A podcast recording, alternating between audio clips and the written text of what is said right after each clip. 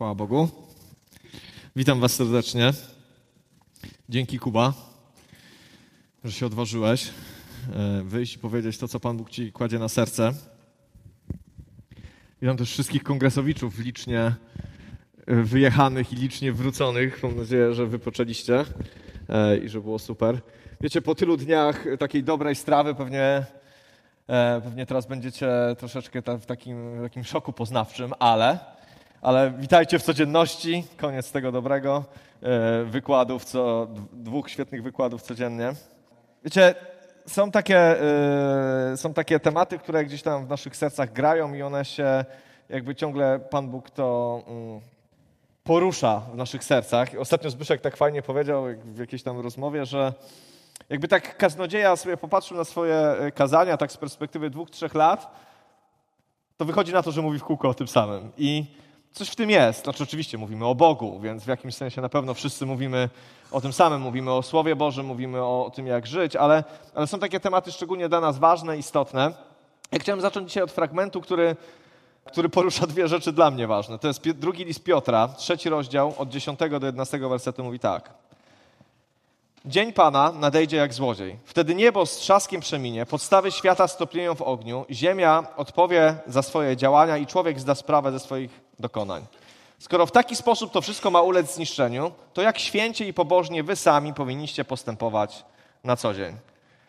To słowo mówi o tym, że przyjdzie taki dzień i absolutnie mam nadzieję, że wszyscy jakby jesteśmy o tym przekonani pewni, że przyjdzie taki dzień, w historii świata, w historii ludzkości, kiedy to, co widzimy, to, co materialne, zostanie zniszczone i wszyscy będą musieli stanąć przed Panem Bogiem i odpowiedzieć za swoje uczynki. Oczywiście jest, jest w tym fragmencie pewien taki niepokój, trochę taka groza, e, taka atmosfera jakiej, jakiejś wielkiej katastrofy, ale jednocześnie apostoł Piotr w 11 wersecie mówi, że skoro to wszystko ma się tak skończyć, w tak widowiskowy, straszny, może pełny, pełny lęku sposób, to zadaje, myślę, że bardzo ważne, istotne i kluczowe pytanie dla każdego człowieka, który chce nie tylko o Panu Bogu wiedzieć, nie tylko wiedzieć, kim jest Pan Bóg, nie tylko wiedzieć, co Pan Bóg mówi, ale dla każdego człowieka, który chce żyć z Panem Bogiem. To pytanie brzmi tak.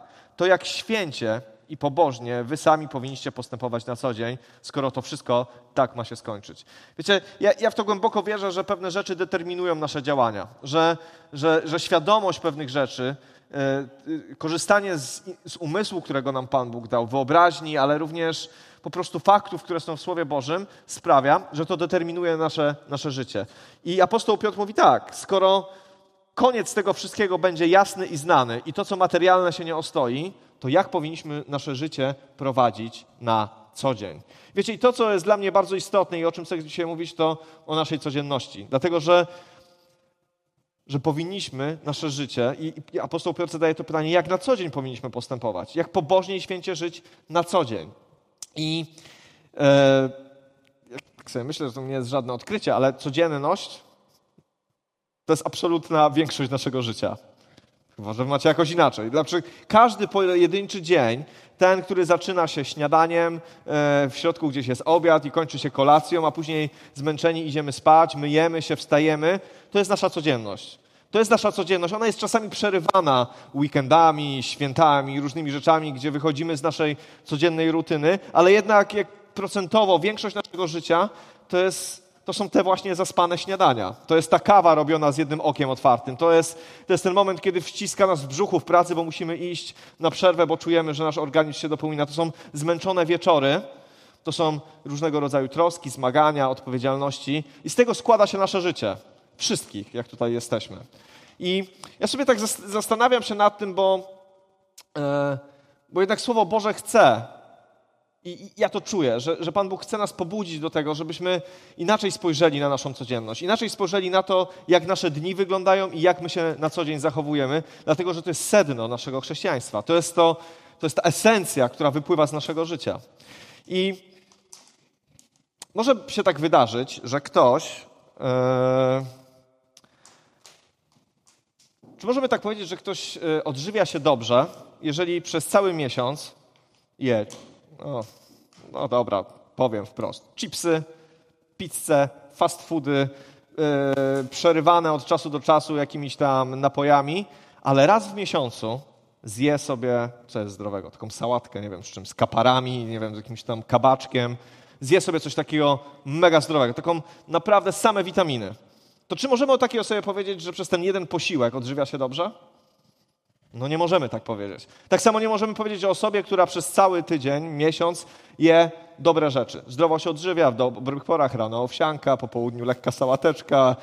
Wiecie, wszystko świetnie. Ale raz w miesiącu, no jest słaba i zje sobie tego kebaba, powiedzmy, takiego podwójnego. No i czuje się po tym źle. Czy możemy powiedzieć o takiej osobie, że odżywia się źle? Poniosło ją, może miała chwilę słabości, ale ogólnie odżywia się dobrze. Bo jej codzienność, rutyna, która okazała się dobra, spowoduje, że, że te wyskoki, te, te, te odchylenia od normy niwelują się w, codzien, w codzienności. Tak samo jeden dobry posiłek nie zmieni tego, że się źle odżywiamy. Jeden zły posiłek nie zmieni tego, że się odżywiamy, że się odżywiamy dobrze. I podobnie jest w naszym życiu. Podobnie w naszym życiu jest duchowym. Ta, to nasza codzienność wytycza to, kim tak naprawdę jesteśmy, jakimi jesteśmy chrześcijanami, jakimi jesteśmy mężami, jakimi jesteśmy żonami, jakimi jesteśmy pracownikami, to nasza codzienność to określa. To nie jednorazowe wyskoki, jednorazowe uniesienia y, tworzą obraz naszego życia. I to nie one wydają owoc. Owoc wydaje nasza codzienność. I ona jest najlepszym miernikiem, papierkiem lakmusowym naszego życia duchowego. To ona pokazuje, kim jest dla nas Pan Bóg, kim my jesteśmy dla Niego i tam tak naprawdę również, i o tym chciałem dzisiaj mówić, objawia się Boże działanie, tam wydajemy owoce, tam kwitnie nasze życie, tam działa Duch Święty w potężny sposób. Czasami jest też tak, że kiedy popatrzymy sobie a propos tych, e, tych takich rzeczy, rzeczy, które są niewidoczne, rozłożone w czasie, czasami jest też tak, że zastanawiamy się, jak to jest, że pewne kraje na świecie cywilizacyjnie są do przodu. Że, nie wiem, strzelam, jakaś tam Szwajcaria, powiedzmy, jakieś te takie mniejsze państwa Beneluxu i tak dalej. Jak to jest, że one są takie bogate? No nic tam w zasadzie nie ma, nie ma tam żadnej ropy, nie ma tam, e, e, nie ma tam jakichś wielkich zasobów mineralnych, ale jednak one są bogate. Tam ludzie, PKB jest wysokie i tak dalej.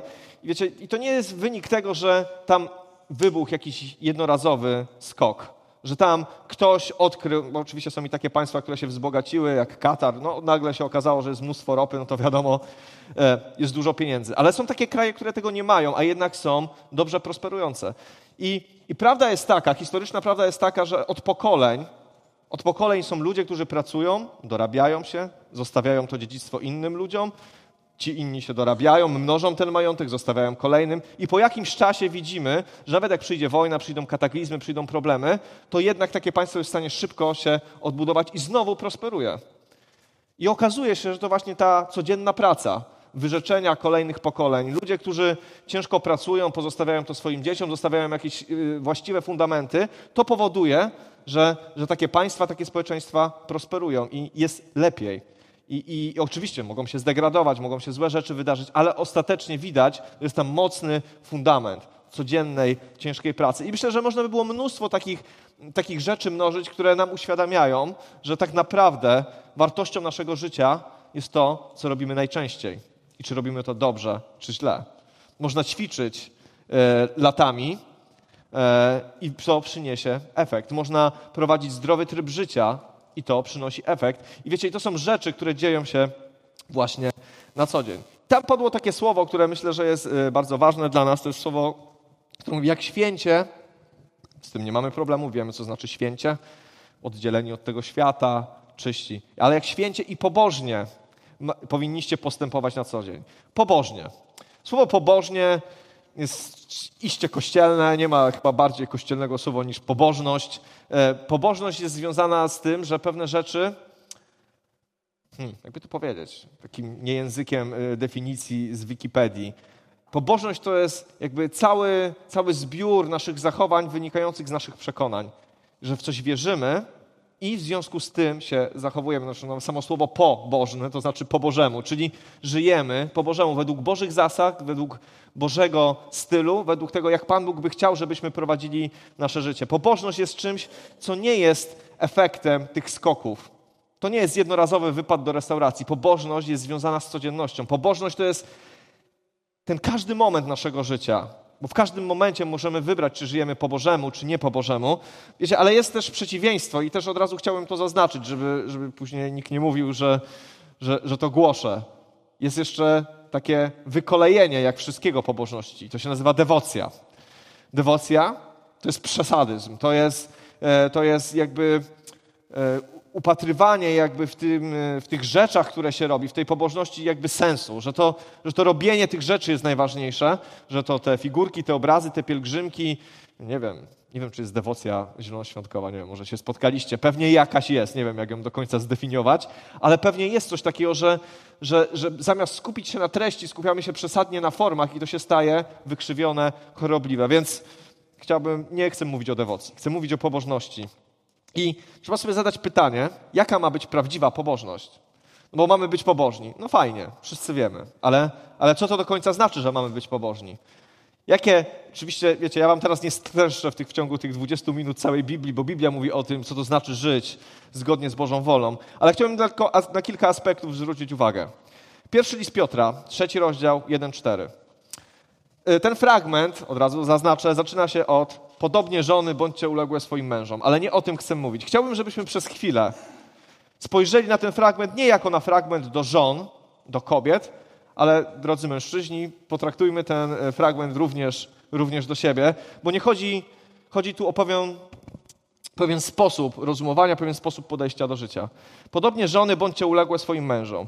Niech przez to nawet ci, którzy są nieposłuszni słowom, bez słowa zostaną pozyskani, widząc wasze postępowanie na co dzień, życie czyste, naznaczone odpowiedzialnością wobec Boga.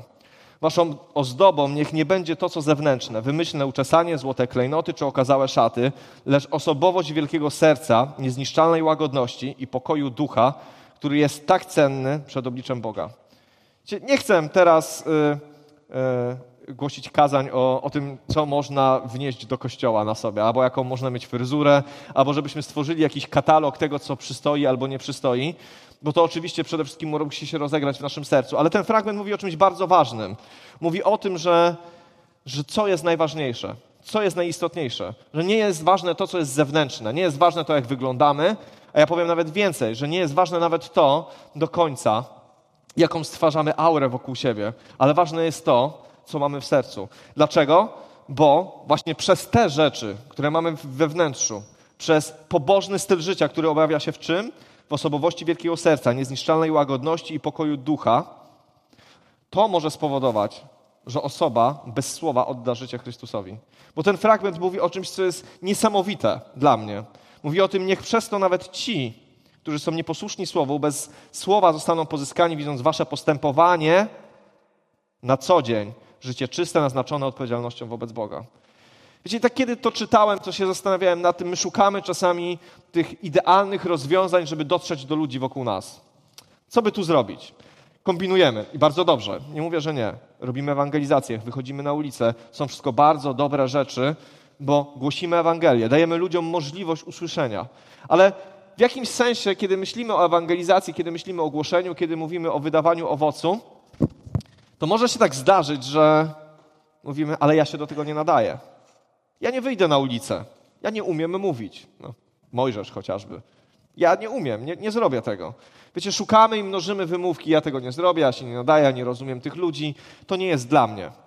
Ale to, o czym czytamy w tym fragmencie, jest absolutnie dla każdego chrześcijanina. To nie jest dla wybranych, dla tych najlepszych, dla tych y, herosów chrześcijaństwa, którzy, y, którzy jakby, nie wiem, robią wielkie rzeczy, gromadzą stadiony, nie wiem, jadą do Afryki, przychodzą tłumy. To jest słowo skierowane do wszystkich.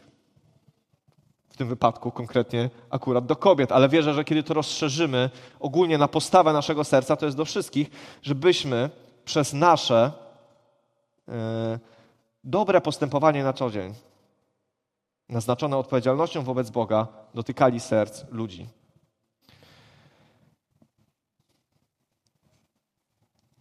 Myślę, że nie ma nic bardziej pięknego, zaraźliwego niż chrześcijanin, który nie tylko mówi, że jest chrześcijaninem, ale żyje jak chrześcijanin. Nie ma nic, moim zdaniem, bardziej budzącego ciekawość w dzisiejszym świecie niż chrześcijanin, który rzeczywiście jest wierny Panu Bogu. Który nie robi rzeczy, które w tym świecie są popularne, ale jest wierny Panu Bogu nie musi nic mówić, żeby w ludziach pojawiło się pytanie: coś jest nie tak. Coś tu się wyrwało, coś tu się zmieniło, coś, coś tu nie pasuje. Dlaczego tak się zachowujesz? Dlaczego nie robisz tego, co inni robią?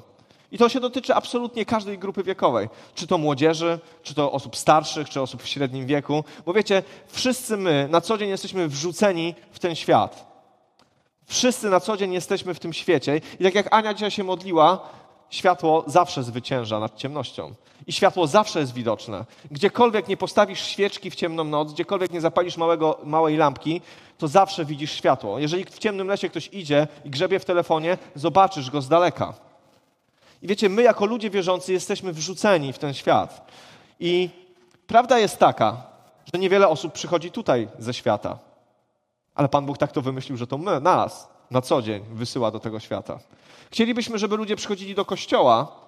Ja bym chciał, żeby nas było tutaj więcej i więcej i więcej i więcej. Nie mam z tym problemów, bardzo bym tego chciał. Ale jakoś ludzie nie garną się do kościoła za bardzo. Ale my jesteśmy porozrzucani w tym świecie. My jesteśmy porozrzucani w różnych miejscach, w naszych pracach, w naszych domach, w naszych rodzinach. My tam jesteśmy. Może niekoniecznie oni przyjdą tu, ale Pan Bóg wysyła każdego z nas, czy tego chcesz, czy nie, na misję. I każdy z nas na tej misji jest każdego dnia. Jutro pójdziesz na misję. To będzie Twoje pole misyjne. Wyruszysz. Wyruszysz, żeby, żeby być świadectwem. I każde Twoje słowo jutro, i każde Twoje zachowanie, każdy Twój telefon w pracy, wszystko, co zrobisz, będzie w jakimś sensie wskazywać na tego, za kim idziesz. Albo inaczej, będzie wskazywać na to, w co wierzysz. I albo to światło będzie świecić, albo to światło, albo w ogóle go nie będzie, albo ono będzie mierne. Ale jedno jest pewne. Ta nasza codzienność jest bardzo ważna, jest kluczowa, bo ten fragment mi o tym pokazuje, że, że są rzeczy, które dotykają serca. Że życie zgodnie z Bożymi zasadami. Wierność Panu Bogu, miłość okazana Mu w tym, że ja się czegoś wyrzeknę, żeby pójść za Chrystusem. Wiecie, nie chcę teraz tego wymieniać, bo myślę, że sobie zdajecie sprawę z tym, jak wiele rzeczy dzisiaj jest niezgodnych z Bożym Słowem. Jeżeli chodzi o moralność, o seksualność, jeżeli chodzi o podejście do wielu spraw. Jak bardzo w kontrze jest to, w co wierzymy i za kim idziemy. Jak bardzo dzisiaj szybko młodzi ludzie, którzy mają zdrowe podejście do seksualności, mogą wzbudzić pytania swoich rówieśników. Dlaczego? Nie przez to, że staną i będą głosić Ewangelię, tylko po prostu powiedzą: Ja mam na to zupełnie inny pogląd, zupełnie na to patrzę. Biblia mówi tak. Słowo Boże mówi tak. Wiecie, dla mnie, dla mnie to jest istotne, dlatego że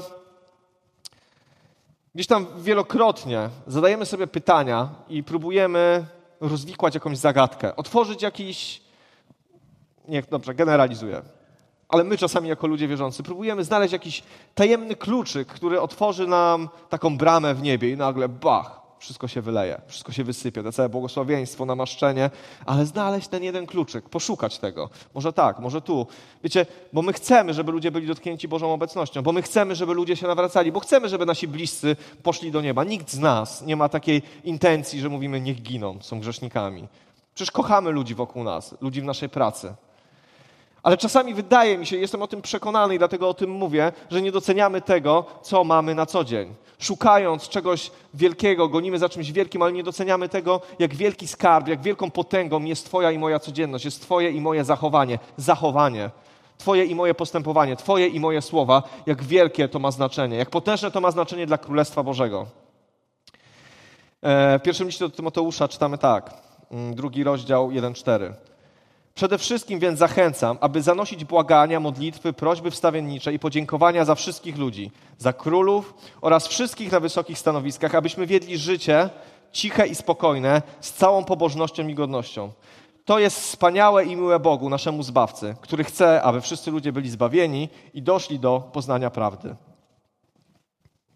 Zaskakujące jest ułożenie tych wersetów, bo wiecie, w czwartym wersecie jest napisane, że Pan Bóg chce, żeby wszyscy byli zbawieni i doszli do poznania prawdy. A wcześniej jest o tym, żeby modlić się i błogosławić wszystkich ludzi i żeby jakie prowadzić życie? Ciche i spokojne, z całą pobożnością i godnością. Bo jeżeli sobie zdamy sprawę z tego, że i jest napisane jeszcze tak, to jest wspaniałe i miłe Bogu, naszemu Zbawcy. Są rzeczy, które dla Pana Boga są wspaniałe i miłe. Dla Pana Boga rzeczą wspaniałą i miłą jest to, że żyjemy dla Niego. Że nasze decyzje, Nasza moralność, nasz sposób zarabiania pieniędzy, nasze zachowanie w stosunku do innych ludzi, nasze podejście do problemów tego świata nie jest zgodne z tym, co nam się wydaje, ale jest zgodne z tym, co mówi Pan Bóg, Co mówi Pan Bóg do ciebie przez swoje słowo, kiedy je przeczytasz?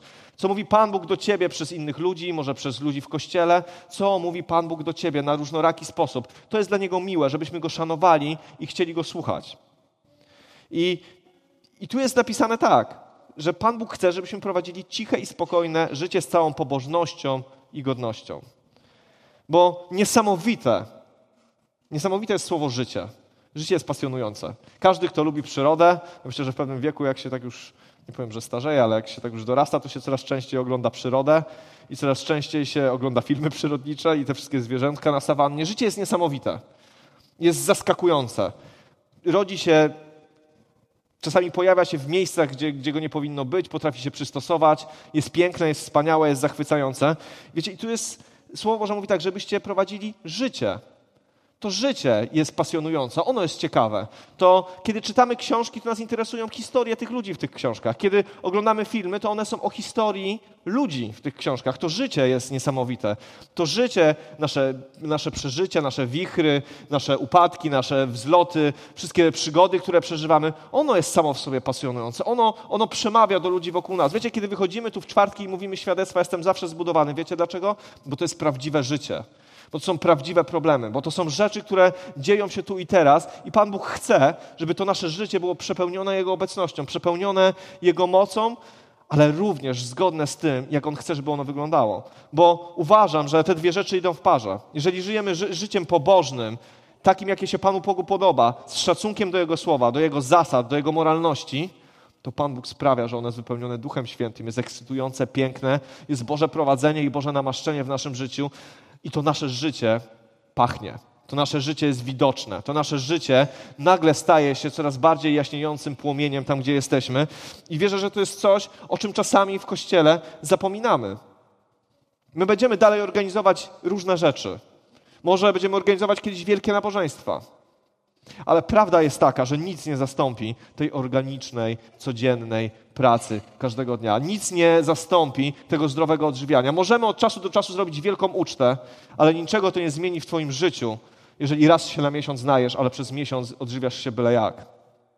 Wiecie, Pan Bóg chce nam przypomnieć, że jeżeli mamy pragnienie, tak to sobie nazwałem, sny o potędze, jeżeli mamy takie, takie poczucie i pragnienie, że chcielibyśmy więcej, że chcielibyśmy doświadczyć więcej, to wszystko zaczyna się od tego, co zrobisz dzisiaj po nabożeństwie i jutro rano.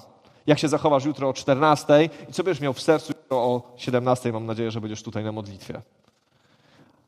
Nie chodzi o modlitwę, chodzi o to, co w swoim sercu będziesz miał w tym czasie.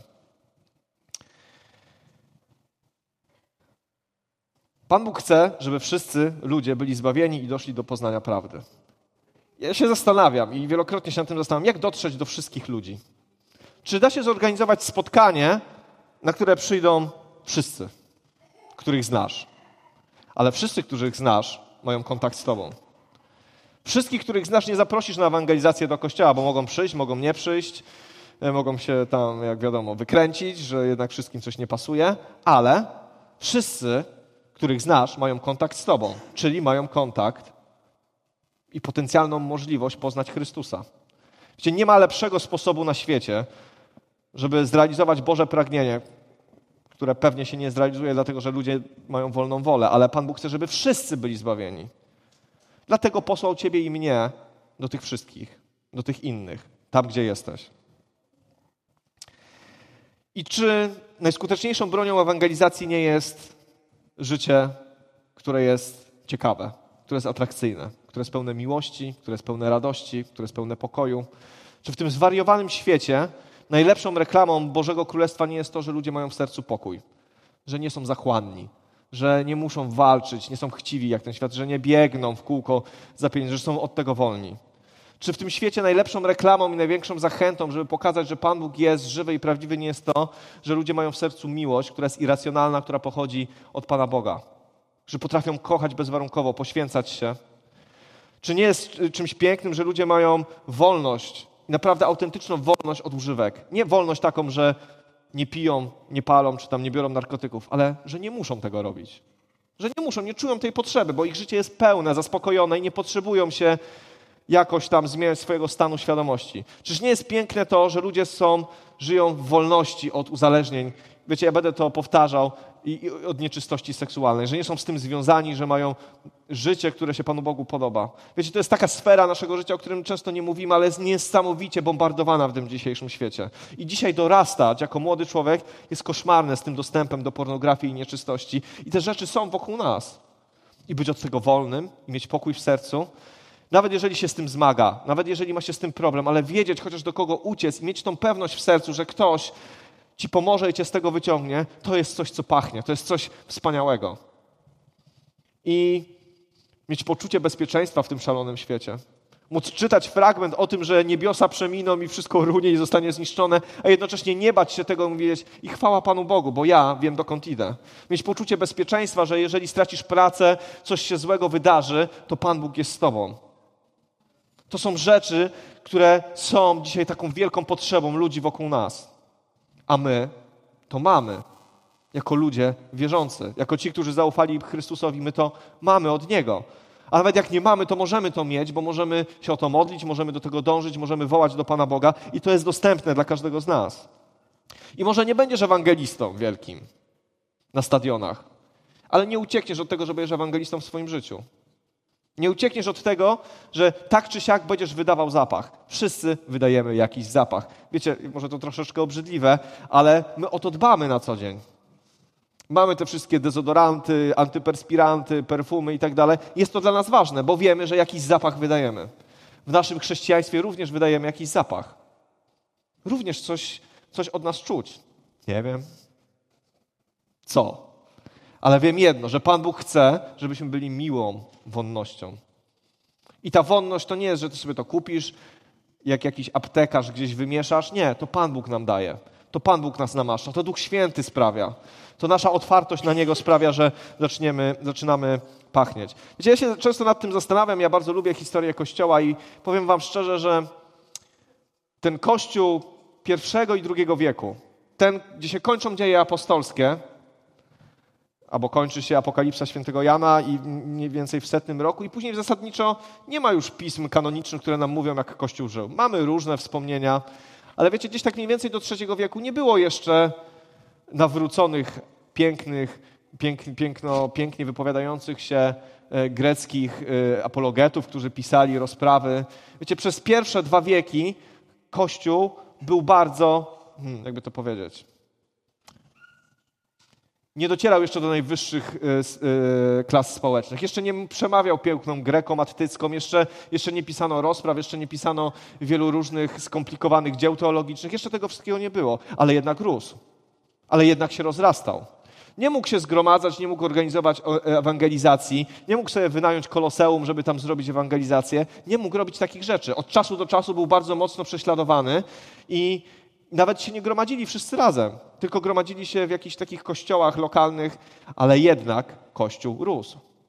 Jak ten kościół mógł rosnąć? Jak kościół w Iranie, który nie może się spotkać i nie możesz powiedzieć publicznie, że jesteś chrześcijaninem, to jak on może rosnąć? Jak kościół w Pakistanie może rosnąć? Oni chyba tam mogą się akurat spotykać. Ale są miejsca, gdzie kościół nie może się spotykać, a rośnie. W Chinach. Co sprawia, co jest motorem tego, że ludzie oddają swoje życie Jezusowi, chociaż nie usłyszą tego na wielkiej ewangelizacji? To życie tych bezimiennych chrześcijan na całym świecie, tych chrześcijan z pierwszego, drugiego wieku, którzy nie mają dzisiaj imienia, o których nic może nie wiemy, tych kowali, tych zwykłych garbarzy, tych ludzi, jakichś, nie wiem, niewolników. To historie tych ludzi sprawiły, że kolejni oddawali swoje życie Chrystusowi. To ich życie i często ich śmierć powodowała, że ludzie oddawali życie Jezusowi. To ich codzienność sprawiała, ich podejście do Chrystusa sprawiało, że oni mówili, coś w tym jest. Chociaż wszyscy naokoło kłamali, że wiecie, że zabijają dzieci, że piją ich krew, że oddają cześć jakiemuś tam osłu.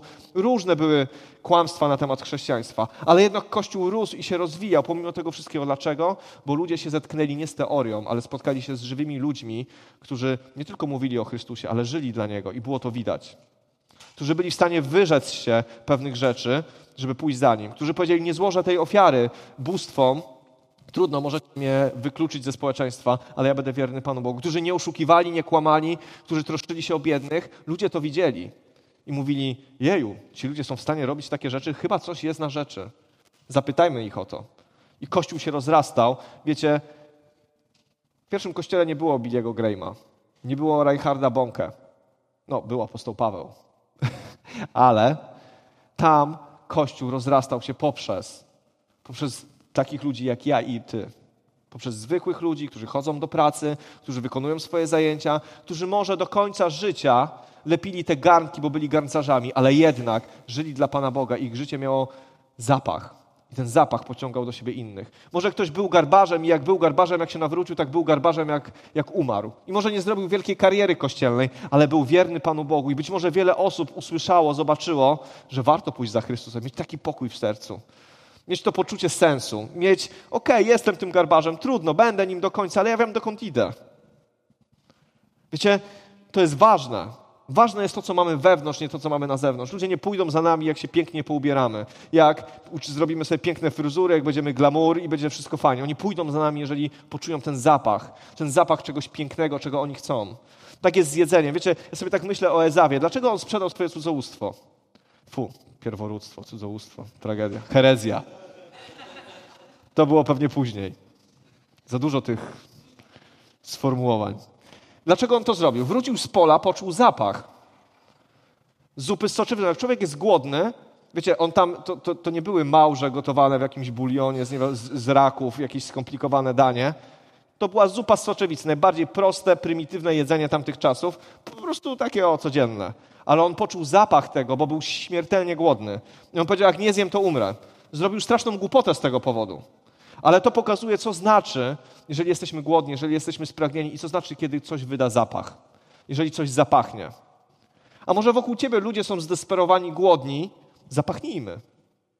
Może wtedy przyjdą, bo oni są potrzebujący, oni są głodni, oni czegoś potrzebują. Ja nie wierzę w to, że ludzie, którzy żyją bez Boga, są spełnieni i pełni wszystkiego. Są jakieś. Wiecie, my, jako ludzie wierzący, czasami mamy braki, tęsknoty, ale chociaż wiemy, gdzie je zapełniać, wiemy, dokąd biec, wiemy, do kogo się modlić. A ludzie wokół nas tego nie mają. Bądźmy tą zupą z soczewicy. Chociażby z zupą z soczewicy. Bądźmy, nie wiem, czymkolwiek innym. Ale wiecie, chodzi mi o to, że zupa z soczewicy zwabiła Ezawa. Zwykłe jedzenie. A może zwykłe, codzienne życie pobożne z Chrystusem. Ciche i pobożne życie, o której mówi e, list do Tymoteusza. Ciche i pobożne życie to będzie więcej niż jakieś dzikie sny, które możesz mieć w głowie na temat życia z Panem Bogiem. Może ciche i pobożne życie, ja wierzę w to i nawet jestem o tym przekonany, że powołaniem każdego z nas jest pobożne życie. Wydawanie tego zapachu. Pan Bóg może nas wysłać dalej, może zrobić z nas wielkich mężów Bożych i niech robi.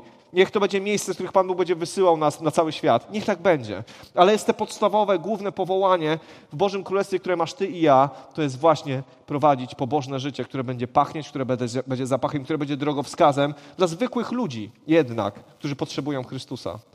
Zwykli ludzie poznają Chrystusa, żyją dla Chrystusa w pobożny sposób, ich życie jest piękne, po to, żeby inni, zwykli, normalni ludzie mogli poznać Chrystusa. I to jest piękne. I to jest piękne. Pierwszy list Piotra, drugi rozdział. Bożą wolą jest bowiem, abyście dobrym postępowaniem, dobrym postępowaniem odbierali nierozumnym ludziom mowę wynikającą z ich niewiedzy. Zachowujcie się przy tym jak wolni, ale nie jak ci, którzy z wolności robią przykrywkę dla zła. Postępujcie jak słudzy Boga. Wszystkich poważajcie, daszcie miłością braci i siostry, żyjcie jako ludzie odpowiedzialni wobec Boga, mający szacunek dla króla. Bożą wolą jest bowiem, abyście dobrym postępowaniem. Panie Boże, jaka jest Boża wola dla mojego życia? Często zadają sobie chrześcijanie na całym świecie w pewnym etapie swojego chrześcijańskiego życia. Może jaka jest wola, jaka jest Twoja wola dla mojego życia? Abyś dobrym postępowaniem odbierał nierozumnym ludziom mowę wynikającą z ich niewiedzy. Abyś dobrym postępowaniem pokazał, że Pan Bóg jest żywym, prawdziwym Bogiem, że Chrystus zmartwychwstał, że Duch Święty jest w Kościele, że Ty żyjesz w ten sposób, dlatego że Duch Święty Cię tak prowadzi, że On Ci daje siłę przechodzić różne rzeczy, że Duch Święty jest obecny pośród nas. Żebyśmy swoim dobrym postępowaniem Wiecie, ja teraz nie chcę jakby zrobić całego e, nauczania albo kolejnej serii o tym, jakie powinno być nasze dobre życie. To już myślę, że zadanie każdego z nas w relacji z Panem Bogiem. Przyjrzenie się temu, jak zachowujemy się, przeczytanie pewnych fragmentów, które mówią o tym, jaka powinna być nasza moralność. Ale chodzi mi o to, że dobre postępowanie to jest coś, co nas co prawda nie zbawi, bo jesteśmy zbawieni z łaski za darmo. Ale list do Efezjan mówi, że zostaliśmy zbawieni, zostaliśmy zbawieni do dobrych uczynków. Bo te dobre uczynki powodują, że inni będą zbawieni z łaski. To jest taki krąg. To się napędza. Tak jak nie ma nic piękniejszego niż chrześcijanin, który swoim życiem pokazuje, że żyje z Panem Bogiem, tak chyba nie ma nic gorszego dla Ewangelii niż chrześcijanin, który swoim życiem pokazuje, że, że, tak, że to wszystko kłamstwo, że to w sumie nie warto. Można sobie pogadać, ale żyje po swojemu. To idzie w dwie strony. Ale to słowo mówi, że Wszystkich poważajcie, daszcie miłością braci i siostry, żyjcie jako ludzie odpowiedzialni wobec Boga, mający szacunek dla króla.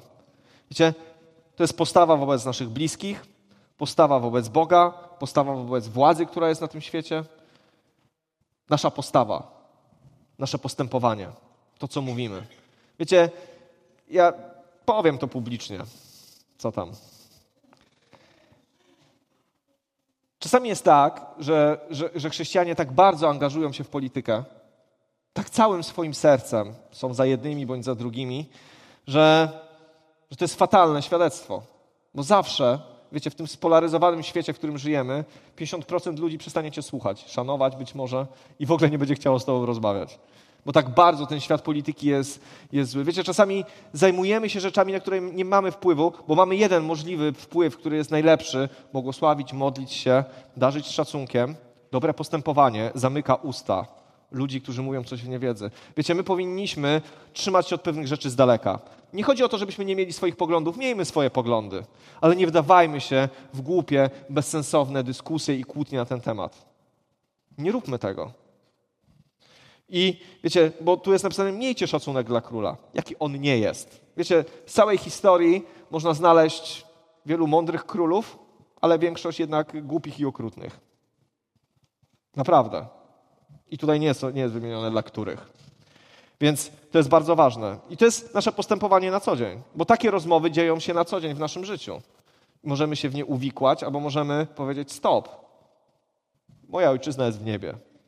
Moja ojczyzna jest w niebie. Ja błogosławię, modlę się i, i, i będę, będę robił dobre rzeczy dla Pana Boga.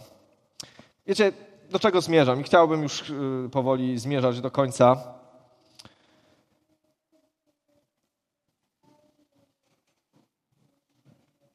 Chciałbym to zaakcentować bardzo mocno. Wiecie, wielu z nas może czasami wpadać w kompleksy takie chrześcijańskie kompleksy. Ja uważam, że istnieje coś takiego jak chrześcijańskie kompleksy.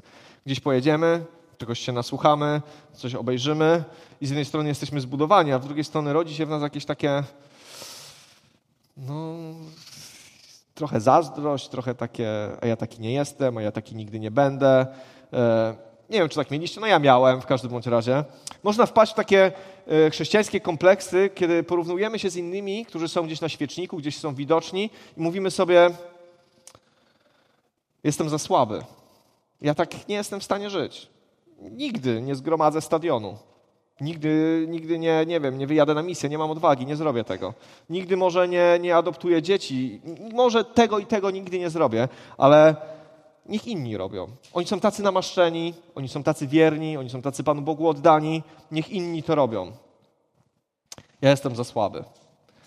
I w efekcie tacy ludzie nie robią nic, zastygają w stagnacji, zastygają w takim poczuciu, że nic się nie da zrobić, niech lepsi ode mnie to robią.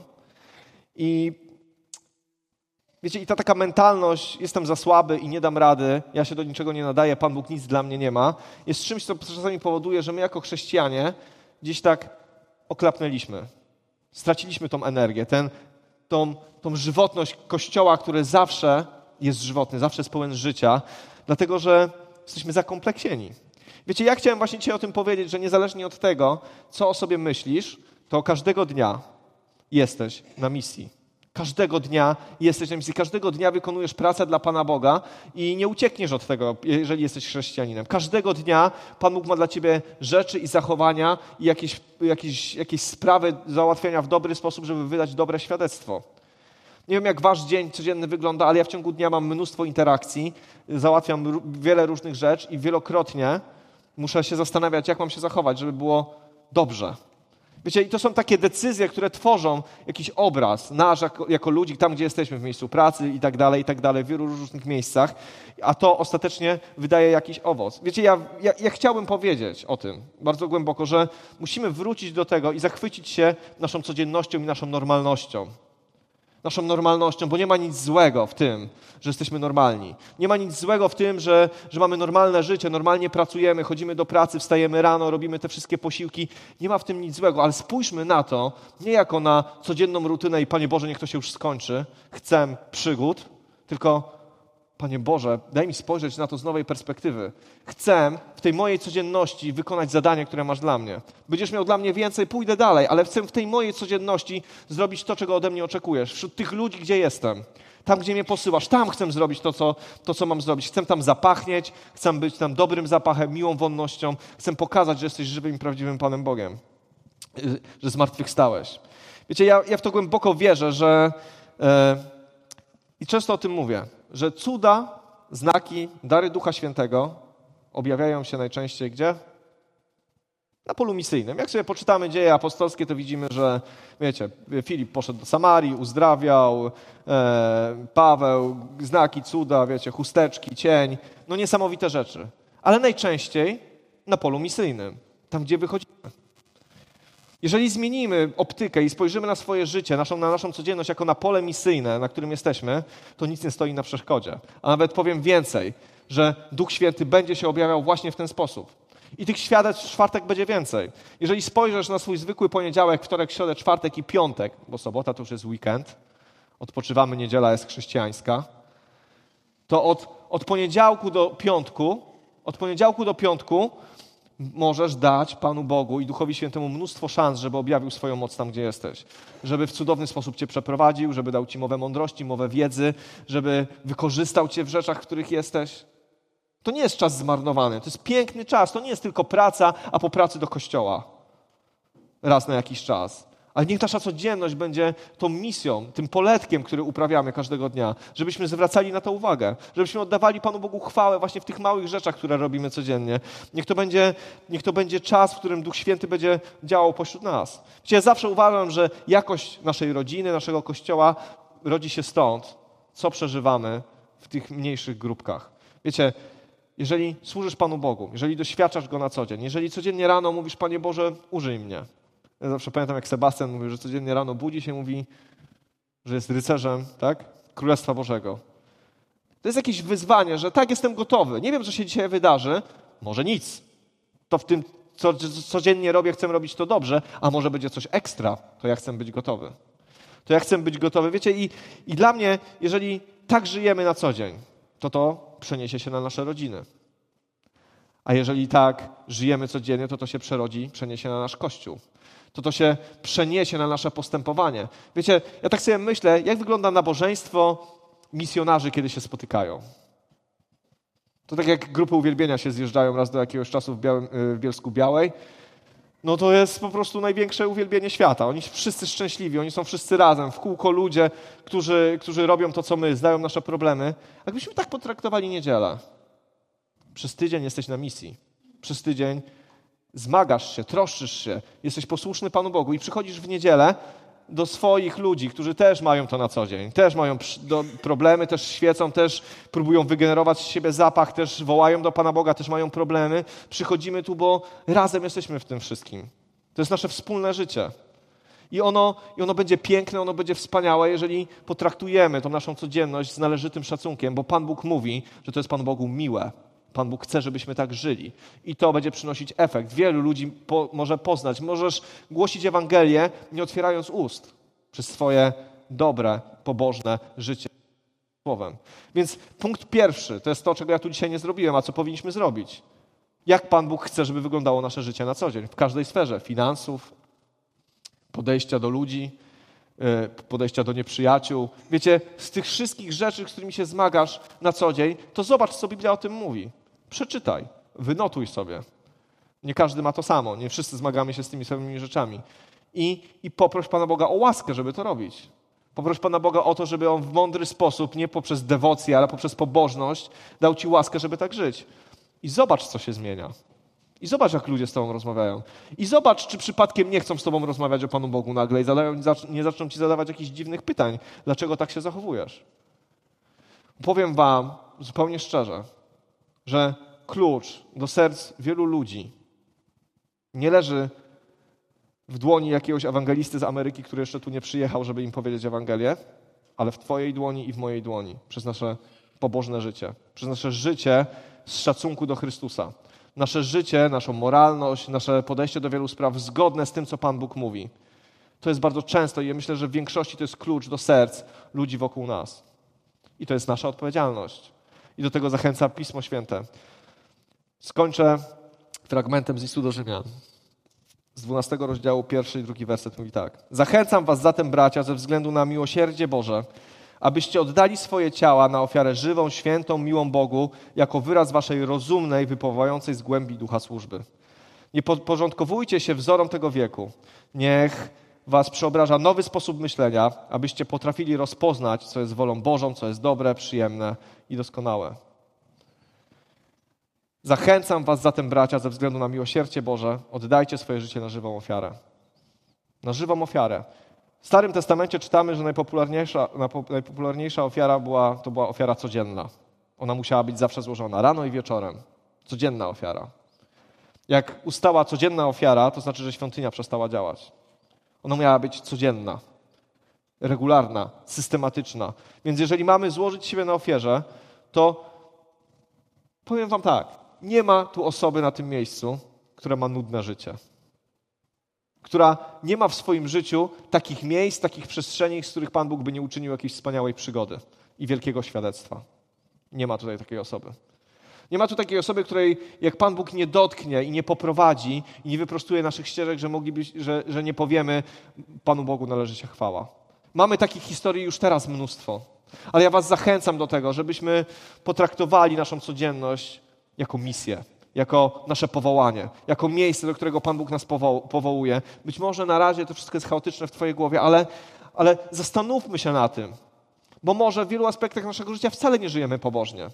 Może żyjemy po swojemu, nie po Bożemu, ale po swojemu. Może warto zmienić ten aspekt swojego życia, zadać Panu Bogu pytanie, a co mogę zmienić w mojej pracy? Co mogę zmienić w moim podejściu do rodziny? Co mogę zmienić? A Pan Bóg zacznie to używać, Duch Święty działa na polu misyjnym, więc zacznie dotykać Twojego serca, da Ci objawienie, da Ci siłę, da Ci mądrość, żeby to zmienić i zaczniesz pachnieć. A jak zaczniesz pachnieć, to zacznie się dziać, zaczną się dziać rzeczy, o których marzymy, że ludzie będą się nawracać. Nie licz na to, że brat lub siostra zapachną za ciebie. Są takie miejsca, w których tylko ty będziesz pachnieć, bo tam nie ma innego chrześcijanina. I to jest nasze powołanie. I to jest nasza misja. I to jest nasza odpowiedzialność, nie ukrywam. Czasami trzeba się zastanowić, co gadamy, jak się zachowujemy, jakie podejmujemy decyzje. Ale jedno jest pewne. My nie jesteśmy sami. Duch Święty jest w swoim kościele. Duch Święty działa, to Duch Święty nas wyposaża, więc ja Was do, te, do, tego zachęcam. Oddajmy swoje życie w ofierze. Oddajmy jako wyraz rozumnej, rozumnej decyzji, wypływającej z głębi ducha, ale rozumnej decyzji, że ja rozumnie postanawiam, że nie będę marnował żadnego dnia, że nie będę lekceważył swojej codzienności, że nie chodzi o to, żeby od poniedziałku jakoś doczłapać do tej niedzieli i tam się pokajać na weekend jakoś, ale chodzi o to, wiecie, żebyśmy nie przespali tej okazji, którą mamy. A ta okazja jest taka, że chcielibyśmy coś robić dla Pana Boga. Panie Boże, co mam robić, co mam robić, co mam robić? A tydzień za tygodniem, tydzień za tygodniem, tydzień za tygodniem przemija nam, przecieka przez palce. Czas, w którym mogliśmy swoim życiem pokazać Chrystusa. Czy to jest praca nad sobą? Bardzo często. Całkiem spora praca nad sobą. Czy to jest praca nad naszym charakterem? Oczywiście. Czy to jest oddawanie rzeczy, które są dla nas niewygodne i rezygnowanie z zachowań, które nie są fajne? Oczywiście. Ale w końcu chodzi nam o to, żeby ludzie poszli do nieba i byli zbawieni na wieczność, więc można sobie odpuścić czasami głupie żarty. Więc czasami można się powstrzymać od jakichś dziwnych zachowań. Ja to mówię o takich lajtowych rzeczach. Ale moglibyśmy przestać być chciwi. Moglibyśmy przestać mówić w kółko o pieniądzach. Moglibyśmy przestać gonić tak jak inni za pewnymi rzeczami moglibyśmy uniżyć się przed innymi i okazać im miłość, chociaż na to nie zasługują. Oj, nie ma niczego bardziej w kontrze do tego świata. I wiele różnych innych rzeczy. Ja Was do tego zachęcam, żebyśmy rozpoznali, co jest Bożą wolą dla Twojego życia w poniedziałek, wtorek, środę, czwartek i piątek i w sobotę, bo niedziela jest, wiadomo, będzie dobrze. Ale rozpoznajmy Bożą wolę do tego, co Pan Bóg chce do Twojego tygodnia. Co Pan Bóg chce do Twojej pracy? Co Pan Bóg chce w tych aspektach, gdzie spędzasz większość swojego życia? Nie oszukuj się, jak raz zdrowo zjesz, to nie odżywiasz się zdrowo. Musisz jeść codziennie zdrowe rzeczy. Więc zachęcam Was do tego, żebyśmy teraz przyszli do Pana Boga. Jeżeli trzeba, to przeprosili. Ja nie znam Waszej codzienności. Ja znam swoją i wiem, że mam za co przepraszać. Mam za co przepraszać. Wiem, jak ona wygląda. I powiem Wam szczerze, że nie mówię tylko tego do Was, ale ja nie jestem z niej dumny. Ja chcę to zmienić. Ja chcę to zmienić. Nie chcę myśleć i czekać na coś, co się ma wydarzyć, skoro nie robię tego, co powinienem robić na co dzień. Pan powiedział, że kto jest wierny w małym, ten będzie miał więcej. Co jest mniejszego, bardziej zwykłego niż nasza codzienność. Więc powstańmy, jeżeli trzeba, to pokutujmy. Ale wyraźmy dla Pana Boga takie, takie wołanie i prośbę, żeby dotknął naszych serc, żeby nam to objawił i pokazał, bo nic się nie wydarzy, jeżeli Duch Święty nas nie dotknie. Panie Boże, przychodzimy dzisiaj do Ciebie. Potrzebujemy, Panie, żebyś Ty dotknął naszych serc, Panie. Widzisz, jak my żyjemy na co dzień, Boże. Widzisz nasze decyzje, Panie. Może bracia i siostry w Kościele tego nie widzą, Panie. Widzisz, jak korzystamy z naszego czasu, Panie. Widzisz, jak odzywamy się do naszej rodziny, do naszych współpracowników, Boże. Widzisz, Boże, jakie są pragnienia naszego serca na co dzień, Boże. Ty to wszystko znasz i Ty to wszystko widzisz, Panie. I Boże, nie chodzi o to, że, że jesteśmy jak jesteś nieudani, Panie, ale my oddajemy to Tobie, Panie, bo chcemy naszą codzienność potraktować, Panie, jako misję, jako wyzwanie, Boże, jako ten, te pole misyjne, do którego nas posyłasz, Panie, naszą pracę, te wszystkie miejsca, gdzie jesteśmy, Panie, widzisz naszą nieidealność, Boże, ale my przychodzimy do Ciebie, bo Ty jesteś Bogiem, który zmienia, Panie, który uzdrawia, który leczy, który przebacza, Panie, i który to, co nie żyje, pobudza do życia, Panie. Dlatego proszę Cię, Panie, mimo naszej nieidealności, Panie, mimo tych wszystkich rzeczy, które robimy na co dzień źle, to proszę Cię, niech Twój Duch Święty teraz przyjdzie, Panie. Przekonaj, Panie, dotknij nas, Panie, pokaż nam to i naucz Naucz nas, Panie, jak się zmieniać, Panie, jak podejmować lepsze decyzje, Boże, jak wydawać tą woń, która się Tobie podoba, Boże, żeby wielu w tym świecie mogło usłyszeć o Tobie, Panie. Ci, których kochamy, których znamy, Panie, z którymi jesteśmy na co dzień, żeby mogli zobaczyć, że jesteś żywym Bogiem, Panie. Nie tylko usłyszeć, ale zobaczyć, Panie, w naszym życiu, poprzez nasze postępowanie, które jest zgodne z Twoją wolą, Boże. Naprawdę jesteśmy słabi, Boże, i sami nie damy rady, ale dlatego, Duchu Święty, wołamy do Ciebie, żebyś Ty stąpił, żebyś Ty nas dotknął, Panie, żebyś nas przemieniał, żeby nasza moralność, nasze zachowania, nasze intencje i nasze pragnienia, Panie, były coraz bardziej podobne do tego, co Ty chcesz, Panie. Żebyśmy byli coraz bliżej Ciebie, Panie, coraz bardziej święci, Panie, i coraz bardziej żyli w sposób taki, który Tobie się podoba, Boże. Potrzebujemy tego, sami tego nie wymyślimy. Zdajemy się, oddajemy się w Twoje ręce, Panie. Prosimy Cię, Duchu Święty, żebyś Ty, żebyś ty nam pomógł, Panie. Też proszę Cię o każdą osobę, Panie, która dzisiaj, Panie, jest taka dotknięta, Panie, i czuje wyrzuty sumienia, Panie, jest smutna, i Boże widzi, Boże, tą swoją niedoskonałość, Panie, modlę się w imieniu Jezusa Chrystusa, Panie, żebyś Ty przed przebaczeniem, Panie, żebyś te wszystkie wyznane grzechy, te wszystkie nasze wy, wyznane zaniedbania, żebyś zabrał, Panie, żebyś natchnął nas żywą nadzieją, Panie. Dziękuję Ci za to, że mamy przywilej reprezentować Cię na tej ziemi, Panie, że mamy przywilej, Panie, żyć z Tobą na co dzień, że możemy doświadczać Twojej dobroci, Twojej miłości, że możemy tego wszystkiego doświadczać, Panie, że możemy, Panie, widzieć, Boże, Twoją wyciągniętą rękę, Panie, w czasie, kiedy przeżywamy problemy, ty nas pocieszasz, kiedy przeżywamy smutki. Dziękuję Ci za to, że jesteś z nami każdego dnia, Panie. I proszę Cię, Duchu Święty, żebyś Ty nas pobudził, Panie, żebyś nas dotknął, Panie, żebyś nas prowadził, Boże, żebyśmy służyli Tobie, Panie, od, każdym oddechem, każdym, każdą rzeczą, którą robimy na co dzień, Panie. Potrzebujemy Cię, żebyś Ty nam w tym wszystkim pomógł, Panie. W imieniu Jezusa Chrystusa. Amen.